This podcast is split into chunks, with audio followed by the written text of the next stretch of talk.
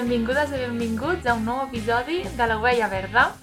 Avui la veritat és que la Marta parlem d'un tema que ens interessa moltíssim i que a més hem après molt perquè hem tirat molt del fil i hem descobert les respostes de l'univers. Però de moment començarem pel principi. Eh, el tema d'avui és de sobre reciclatge i el principi seria definir què és això de reciclatge. Doncs el reciclatge es tracta de la tercera R. Ja vam parlar anteriorment de reduir i reutilitzar. Avui parlarem de la tercera R, el reciclatge, que és un procés que té com a objectiu convertir residus en nous productes o en matèria prima per la seva posterior utilització. Llavors... Genial. I com, com, es, com es recicla aquí, sabent això? Doncs mira, aquí uh, hi ha diferents tipus de, de reciclatge. Normalment, als municipis el que fa és separar els envasos, el contenidor groc, el blau, que hi posem el paper i el cartró, el verd posem el vidre, el rebuig i l'orgànica. En els tres municipis s'ajunten el rebuig i l'orgànica. Però generalment tenim aquestes, uh, aquests, aquest reciclatge, aquestes separacions. I així és com ho hauríem de separar a casa. Llavors, eh, sabent això, sabent que a vegades en alguns municipis ajunten el rebuig i l'orgànic, en comparació amb Europa, què tal estem? En el tema del reciclatge. Com reciclem aquí? Doncs ja ens ho podem esperar, no? Aquí no reciclem massa bé. Uh, Europa ens ha marcat una xifra d'un reciclatge del 55% i de moment anem pel 33,9, així en general. Per tant, ens queda una miqueta per fer i, i bueno, esperem que, que hi puguem arribar, no? Clar, quan, de fet, quan posin potser una llei i ens obliguin a tothom a separar, o sigui, a tots els municipis a separar el rebuig de l'orgànic, potser millorem i, i solucionem aquest problema. De moment estem molt orgulloses perquè nosaltres, als nostres municipis, doncs mai hem tingut problema i sempre hem trobat un contenidor específic per l'orgànica. Sí, sí, sí. Però parlant de contenidors, ah, com funciona el reciclatge aquí? Doncs a veure, sempre hi ha una mica de dubte, veiem uns quants anuncis i els explicarem. Eh, són anuncis d'Ecoembes i Ecovidrio. Són fundacions sense ànim de lucre. Uh, això vol dir que uh, les, la, aquestes, les empreses paguen una tassa a Ecoembes i Ecovidrio perquè es reciclin els productes que, que posen a la venda. I aquesta tassa després es trasllada al consumidor. Per tant, el, el consumidor està pagant la tassa que les empreses han pagat a Ecovidrios i Ecoembes perquè reciclin aquest producte. Clar. Com sabem si, si, hi ha un, si hi ha aquesta tassa? Doncs en els productes hi ha un símbol de fletxetes que vol dir que aquell producte, a més, de, a més que es pot reciclar, doncs ja s'ha pagat aquest reciclatge.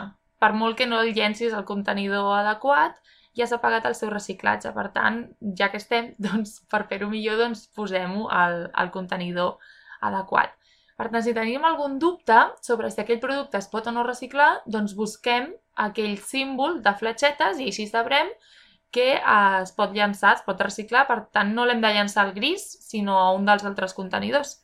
Mm -hmm. Pujarem també per les nostres xarxes socials aquest símbol per aclarir una mica els dubtes i, I és això, clar, si ja hem pagat la taxa, doncs què més que reciclar-ho, no? Ja l'hem pagat, llavors, doncs aprofitem-ho. Ara passem a un, a un apartat que ens agrada molt a nosaltres, que és el de desmentir mites.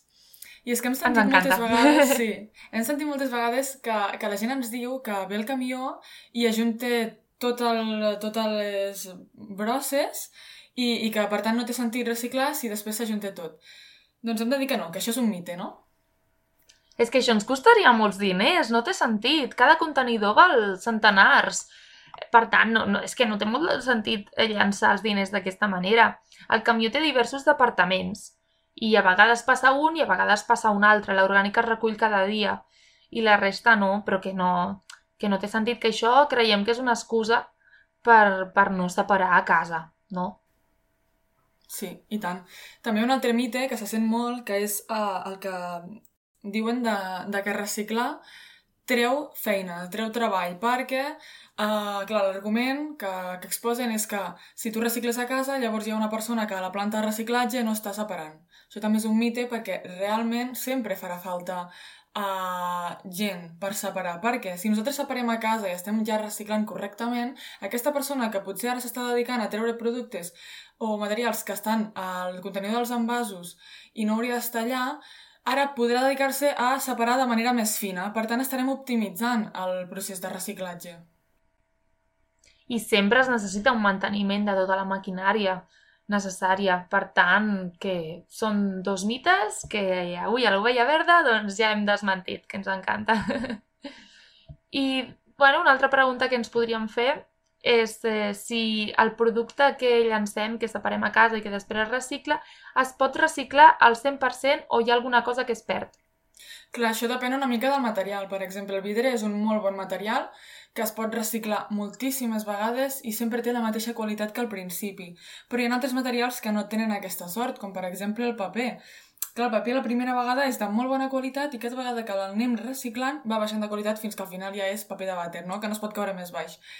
I, i, i doncs és això, és important reduir en els productes que, que no tenen una vida infinita de reciclatge per evitar doncs, doncs aquest, um, aquesta baixada de qualitat o, clar, al final ja no el podrem reciclar. Exacte. Llavors, eh, un altre tema que volíem tractar aquí és que es parla molt, com hi ha un boom de, per parlar sobre el plàstic, doncs ara ja es venen molts gots, plats i bosses biodegradables per evitar aquest plàstic però no ens acaba de fer molt el pes perquè, no a veure, no és que siguin productes superdolents i que els haguem de prohibir ni res d'això, però hem de mirar una mica l'origen d'aquests productes perquè en, en aquest cas normalment estan fets de fècula de patata i això vol dir que és treu un terreny al cultiu de la patata que serveix d'aliment i potser pot generar altres problemes. Per tant, és mirar, fixar-se una mica i no començar a consumir, ah, vale, doncs ja hem evitat aquest problema del plàstic, doncs ara com, com, eh, consumirem en massa tots eh, gots, plats i bosses biodegradables perquè no hi, ha, no hi ha cap problema. Jo diria que és millor, bueno, aquí a l'Ovella Verda, com ja hem fomentat moltes vegades, el residu zero, no? És molt millor seguir evitant, eh, a, clar, reduir, llavors portar els nostres gots, plats i, i les bosses. Sí que potser a les bosses biodegradables tindria el seu sentit perquè llancem la orgànica normalment en bosses de plàstic, així que si la llancem en bosses biodegradables, doncs segur que ja tenim un 10. Té, té molt més de sentit. En aquest cas sí que poden servir. En el cas de la brossa orgànica sí que, sí que és millor sempre eh, tirar amb una brossa biodegradable abans que de plàstic. Llavors també mm -hmm. entrem una mica amb la, amb la pregunta aquesta de quina diferència hi ha entre compostable i biodegradable, perquè a vegades veiem molt aquests noms, no? compostable, biodegradable, i ens pensem que és tot el mateix i realment no és així, no? Exacte. La, la cosa és que biodegradable pot ser qualsevol cosa, però no tot és compostable. Eh, compostable vol dir que a més de ser biodegradable es pot fer compost. Biodegradable al final ho seria tot, però fins i tot eh, el planeta Terra seria biodegradable sencer. Però, clar, depèn de l'escala temporal. Per això a vegades ho separem i diem que no és biodegradable perquè, clar, si triga 400 anys o centenars d'anys en, fer, en ser biodegradable, doncs considerem que no ho és per la nostra escala temporal. Però és així, la diferència entre biodegradable i compostable, doncs és aquesta. Tot el que sigui compostable és biodegradable, però no tot el que és biodegradable és compostable. Molt bé. També tenim un, un, una mica de drama, no?, amb el contenidor groc. Perquè hi ha molta gent que li diu el contenidor del plàstic, però no és realment així. Es diu contenidor dels envasos lleugers. I aquí crec que hem descobert una de les respostes de l'univers. Perquè és, és supercomú, és molt, està molt extesa la idea de que el contenidor groc vas i posa, no, no, si jo he vist que posa de plàstic i que posa d'envasos lleugers i a la Marta i a mi ens ha passat, eh? Hem dit, durant molts anys hem dit contenidor de plàstic, però eh, i això és el que genera molts dubtes, perquè es genera des de l'origen, però en realitat es diu d'envasos lleugers. I així evitarem tots els problemes que tenim ara, segur que sabent això se'n solucionen molts dubtes. Perquè ni tot el plàstic va al groc, ni tot el que va al groc és plàstic. I llavors aquí és quan ens, ens, bueno, ens explota el cap i ens, se'ns il·lumina tot. Sí. I, bueno, si tenim dubtes, és veritat que hi ha, perquè existeixen els dubtes, tot i saber això, doncs hi ha una aplicació de Coembes que es diu Aire, que és una pàgina web i és una aplicació que es pot descarregar al mòbil. Són preguntes sobre uns productes que puguis, puguis tenir un dubte, li preguntes i l'aplicació et contesta i et respon on has de llançar aquest producte. Tot i que hem trobat que té un, té un petit eh, un petit error, li podríem dir així, que és que no considera l'orgànica, perquè jo li vaig posar plàtan. I em va posar que es llançava el rebuig a la resta al contenidor gris, perquè com en alguns municipis tot està junt, gris i orgànic, doncs d'aquesta aplicació de moment no considera l'orgànica, però l'orgànica seria força fàcil, per tant, bueno, en altres productes pot funcionar. Doncs sí, ara nosaltres hem recopilat una mica alguns dubtes generals que la gent sol tenir d'on tirar uh, productes i, i els resolem ja perquè així no cal que els busqueu a l'aplicació i aquesta resposta la teniu ja immediatament. Per exemple, ens han preguntat on es tiren els taps de suro.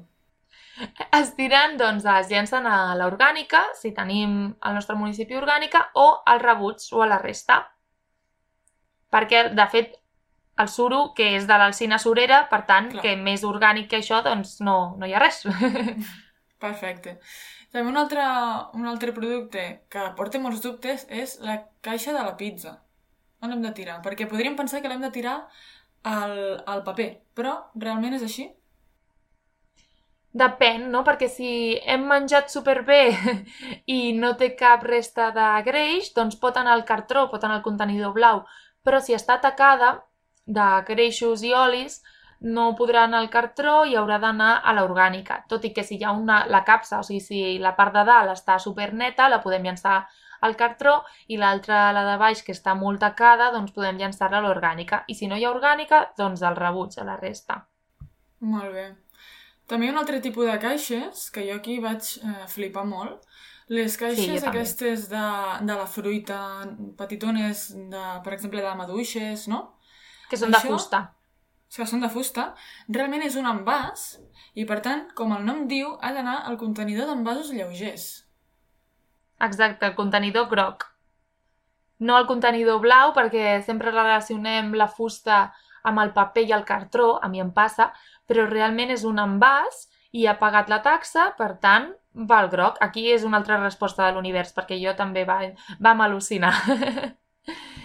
I llavors, Eh, una altra cosa, doncs, les bosses de, de les, del, del pa o els sobres de, de, de les cartes que tenen mig paper, mig, mig plàstic. Això, de fet, és un error de disseny en origen i s'hauria de solucionar directament en origen. Llavors, si ho podem evitar, millor. Si no ho podem evitar perquè ens ha arribat una carta o comprem sempre les barres de pa amb aquelles bosses, doncs eh, havíem, hauríem d'intentar separar el cartró del plàstic i llançar-ho cada, cada, doncs, cada, cada material al seu contenidor adequat. A veure, no és el més òptim tampoc, perquè aquell plastiquet ja és de molt mala qualitat i rarament podrem reciclar-lo, però sempre té més possibilitats i més oportunitats si ho separem. Uh, què més? El cartró plastificat, això que ens posen a vegades cartró però té una part com de plastiquet, què hem de fer? L'hem de sí, tirar carnis, a la, carnis, a la carnisseria, sí. a la peixateria o en altres productes a la vida que té el cartró plastificat. Materials barrejats, doncs, Sí, doncs va la resta directament perquè, a veure, en, en caso de duda, a la basura, era una frase que em va dir um, el meu, un amic de, de Jaén. Doncs eh, això, si tenim dubtes, va, va a la resta perquè Mm, no es pot separar bé el cartró del plàstic, per tant, el rebuig, el contenidor gris. Què més tenim? Ara una mala notícia per a aquella gent que compra plats, coberts i vasos de plàstic, ja que no van al groc, van a la resta, van al gris, perquè no són envasos, llavors no els podem reciclar. Per això aquí eh, fomentem que, que intentem doncs, reutilitzar i reduir, no?, per evitar comprar aquests materials que no, no els podrem reciclar mai. Llavors, les càpsules de cafè buides també poden anar al groc, tot i que és un reciclatge molt difícil i és millor no comprar-ne, tenir una només reutilitzable, perquè es veu que són molt difícils de reciclar. Clar, normalment també quan les acabem de fer servir estan plenes i tampoc ens dediquem a obrir-les i a netejar-les al 100% perquè si van al, al d'envasos, al contenidor d'envasos, han d'estar netes. Per tant, si estan plenes, sentint-ho molt, han d'anar a la resta. La Què més? roba. Sí. On ha d'anar la roba, Marta? La roba, normalment hi ha uns contenidors que són de diferents fundacions, com per exemple Humana o Roba Amiga, i els trobem en punts verds i, bueno, simplement allà i ells s'encarreguen del seu reciclatge, a vegades el reutilitzen o fins i tot ho venen per al propi manteniment de l'entitat. Sí, es pot, de fet, tant si, tant si està en bon estat com en mal estat, es pot llançar en aquestes, es pot donar en aquestes fundacions. També Una- altres coses, sabates, doncs. calçat i fins i tot peluixos, en alguns casos he sentit, però s'hauria de preguntar bé al, al punt. Sí, sí, o Què bolsos més? o bosses. sí. Doncs les llumins. Els llumins doncs, podrien anar a l'orgànica o al rebut si no tenim orgànica. Els raspalls de dents. On creieu que van els raspalls de dents? Perquè són de plàstic però no són un envàs. Per tant, A la resta. a la resta, exactament. Després tenim eh, els cotons, esparadraps, tirites, tovalloletes humides, doncs van a la resta. Tots els plàstics que no siguin envasos, com joguines, les, les maquinilles de, del, de l'afaitat, doncs van a la resta també. Eh, els desodorants d'esprai, doncs com sí que són un envàs, van al groc, per exemple. Molt bé, ara ja hem resolt alguns dubtes que teníem. Esperem que a partir d'ara, almenys aquests materials aquests productes, sapiguem on els hem de tirar correctament. Si teniu altres dubtes, sempre ens podeu contactar per les nostres xarxes socials i preguntar-nos sense cap mena de compromís. I us intentarem respondre amb tot el que amb la informació que us podem donar. Així que moltes gràcies per escoltar-nos i ens veiem en el proper episodi. Adéu! Adeu, moltes gràcies.